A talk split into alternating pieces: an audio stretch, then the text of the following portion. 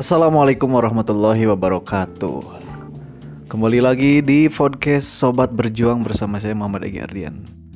Terima kasih kepada teman-teman yang sudah mengklik podcast ini. Halo, apa kabar? Semoga sehat selalu dan dimudahkan urusannya. Amin ya robbal alamin. Episode kali ini kita akan berbicara tentang dunia yang berisik, teman-teman semua. Jadi buat sobat berjuang di sana, di luaran sana siapa pun kalian ya semangat. Meskipun dunia berisik gitu ya. Dunia berisik ini kan kadang menjadi apa ya? Menjadi sesuatu yang menghambat kita dalam berjuang gitu.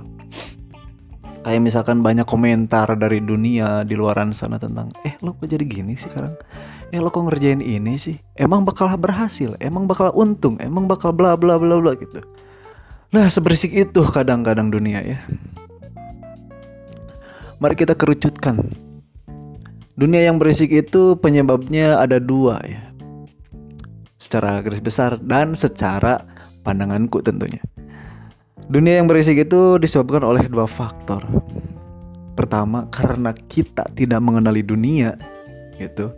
Yang kedua, karena dunia tidak mengenali kita. Nah, itu. Mari kita bahas. Kita gak mengenali dunia itu gimana? Boleh jadi nih apa yang di uh, apa yang diucapkan atau apa yang dibenturkan oleh dunia, benturkan apa ya?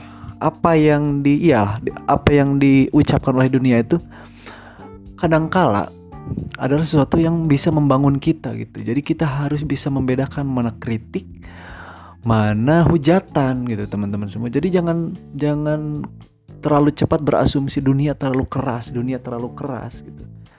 Telah dulu deh dunianya yang terlalu keras atau kitanya yang justru terlalu lembek gitu.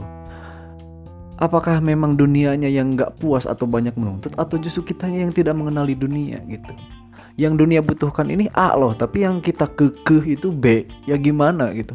Kita akan berasumsi bahwa dunia ini gak, gak menerima aku gitu menerima diriku gitu nah itu ya pertama ya. Jadi kita gak mengenal dunia sehingga hmm, sehingga kita merasa bahwa dunia ini berisik. Apa-apa dikomentari apa-apa di dikritik apa-apa dihujat gitu.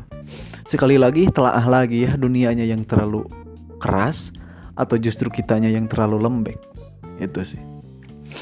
Yang kedua adalah dunia tidak mengenali kita gitu. Nah ini beda lagi nih ceritanya. Kalau dunia yang tidak mengenali kita sama halnya dengan seberapa keras pun kita berjuang ya gak akan pernah mendapatkan applause gitu gak akan pernah mendapatkan penghargaan apresiasi gitu. Karena tuh dunia pun gak mengenali kita gitu.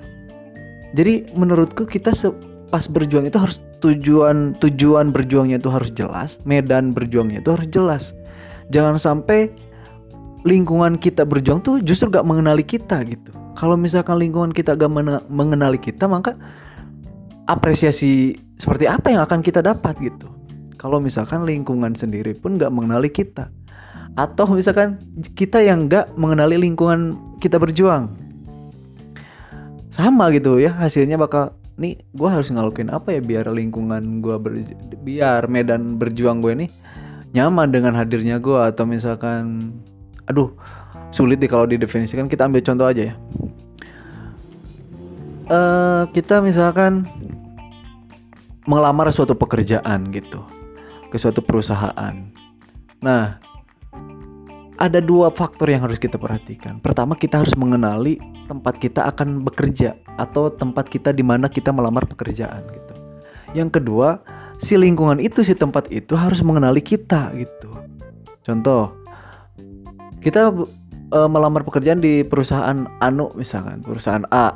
Nah, kita maka harus ada riset atau observasi gitu tentang mengetahui sejarah berdirinya gimana, terus cakupan atau skala perusahaannya sebesar apa, produk yang dihasilkannya apa, termasuk ke job desk pekerjaan yang kita lamar itu seperti apa gitu. Alurnya bakal seperti apa. Nah, itu kita yang mengenali lingkungan Nah sekarang yang kedua lingkungan kerja atau lingkungan perusahaan yang harus mengenali kita. Bagaimana caranya ya kita show up. Misalkan di uh, sesi interview wawancara gitu, kita benar-benar mengedepankan atau menampilkan apa yang kita miliki gitu. Jadi jangan sampai kita mengasumsikan dunia ini terlalu berisik tuh sebelum melakukan sebelum me, apa ya sebelum memikirkan dua faktor tadi kalau misalkan dua faktor itu sudah ah rasanya nih gue udah mempelajari deh lingkungan gitu. Gue kenal lah lingkungan gitu dan lingkungan juga tahu adanya gue gitu misalkan. Nah kalau misalkan kedua hal itu udah teman-teman upayakan terus misalkan hasilnya tetap masih berisi gunjingan sana sini ya mau gimana lagi sekeras apa pun berjuang kita gak akan bisa membahagiakan setiap orang teman-teman. Jadi kebahagiaan itu relatif ya. Kalau misalkan kita punya sosok yang kita kagumi, kita cintai banget gitu. Sampai kita misalkan total memberikan yang kita mampu tentunya ya, tanpa menghinakan diri kita. Misalkan pas dia ulang tahun kita kasih kejutan yang unik atau misalkan yang belum pernah dia dapatkan sama sekali. Ini kita gak berbicara jumlah materi atau kelas gitu ya, tapi keunikan atau ke uh, diferensi, diferensiasi lah Nah kita udah lakukan itu tapi toh ternyata dia kayak gak menghargai ya, kayak ya gak kayak yang gak seneng, kayak yang gak mengapresiasi gitu. Nah padahal aku kan kenal dia gitu. Dia pacar aku misalkan, terus dia juga kenal aku, dia pacar, uh, aku pacarnya gitu misalkan. Nah di sisi itu kadang kita harus sadar bahwa sekeras apa pun kita berjuang, toh pada akhirnya kita gak akan bisa membahagiakan setiap orang teman-teman. Termasuk orang yang dekat dengan kita ya. Apalagi uh, lingkungan secara luas gitu. Jadi kalau misalkan uh, teman-teman semua merasa gun digunjing terus menerus sama dunia harus tahu itu deh belajar dari kisahnya Lukmanul Hakim dengan anaknya. Ya mungkin teman-teman tahu lah pernah pernah dengar gitu ya kisah ini. Aku singgung sedikit ya. Jadi Lukmanul Hakim sama anaknya itu punya satu keledai ya. Lukmanul Hakim itu uh, udah berumur gitu ya udah sepuh. Anaknya itu masih masih uh, bujang gitu lah masih kekar gitu awaknya masih kecil. Eh ya masih kekar lah. Terus Lukmanul Hakim naiklah di atas keledai itu. Uh, si anaknya yang menuntun gitu si keledai itu. Tiba di suatu perkampungan diomongin sama orang-orang itu si bapak gak mikir apa ya? Kok dia enak-enakan di atas keledai sedangkan anaknya disuruh uh, nungtun gitu disuruh capek-capek panas-panas. Nah makanya maka atas kritikan itu digantilah posisinya. Anaknya yang naik bapaknya yang nungtun gitu. Diomongin lagi sama masyarakat selanjutnya. Itu kok anak gak ada apa ya gak ada logikanya mungkin kok ayahnya yang sudah tua gitu yang udah sepuh disuruh nungtun sedangkan dia yang uh, apa namanya kekar gitu malah enak-enak duduk di atas keledai gitu. Lalu karena belajar dari omongan itu akhirnya dua-duanya naik ke atas keledai gitu ya. Diomongin lagi teman-teman sungguh tidak berperi kehewanan gitu. Itu keledai udah capek udah kecil dinaikin sama dua orang sungguh gak ada gak gak ada pikiran gitu.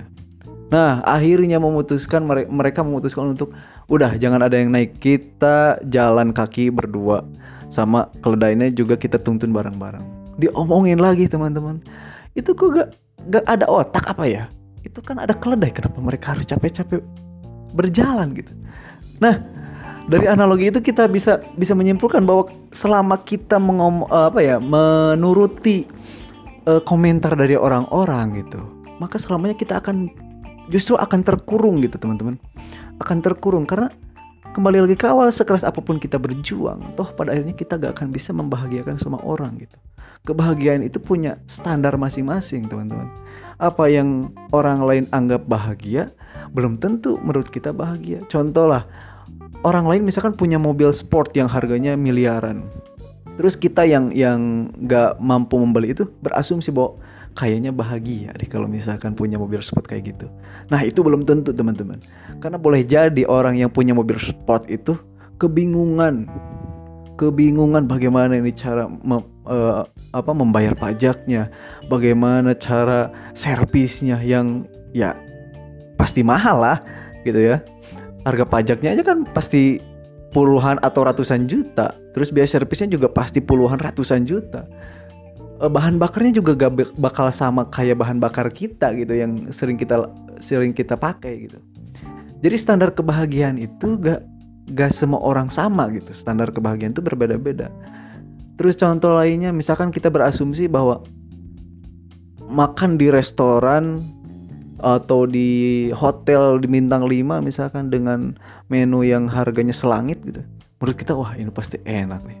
Sedangkan kita hanya bisa makan lauk pauk sederhana gitu di rumah masakan ibu gitu. Nah itu belum tentu teman-teman. Karena boleh jadi makanan yang harganya ratusan juta itu kenikmatannya Allah kasih ke kenikmatannya ya ini kenikmatannya Allah kasih ke seorang petani di sawah yang dianteri makanan sama istrinya gitu nah boleh jadi lebih nikmat itu daripada yang di hotel teman-teman jadi so kalau misalkan teman-teman mematok mematok kebahagiaan yang orang lain miliki, maka kita akan semakin membenci diri kita sendiri gitu. Ulangi ya, semakin kita mematok kebahagiaan yang orang lain miliki, semakin kita akan membenci diri kita sendiri karena kita gak, gak punya gitu. Selama kita gak punya, kita akan menuntut diri kita, akan membenci diri kita gitu teman-teman. Jadi kenali dulu lah lingkungan kita, ter, ter, terutama gitu, terutama diri kita sendiri gitu.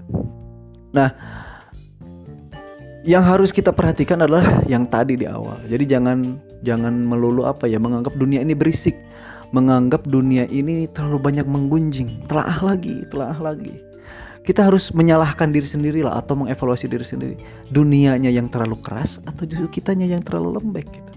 Kalau misalkan teman-teman semua punya sosok uh, siapa ya orang tua atau mungkin pacar yang kerjaannya tuh mengarahkan ini itu harus gini harus gitu terus teman-teman semua tuh menyerah misalkan ah kita kayaknya nggak akan cocok nih udahan aja nih dengan dalih misalkan kamu terlalu keras kamu terlalu egois kamu terlalu bla bla bla bla gitu padahal belum tentu belum tentu dianya yang terlalu keras. Boleh jadi justru kitanya yang terlalu lembek. Justru kitanya yang terlalu gak terbuka gitu. Gitu ya teman-teman semua. Uh, semoga paham. Ya mohon maaf kalau misalkan terlalu melebar gitu ya. Pada intinya sebelum menyalahkan dunia ya kita evaluasi dulu dulu di, diri kita sendiri lah ya gitu. Terima kasih sudah hadir di podcast ini. Semoga bermanfaat dan jangan menyerah dalam berjuang. Assalamualaikum warahmatullahi wabarakatuh.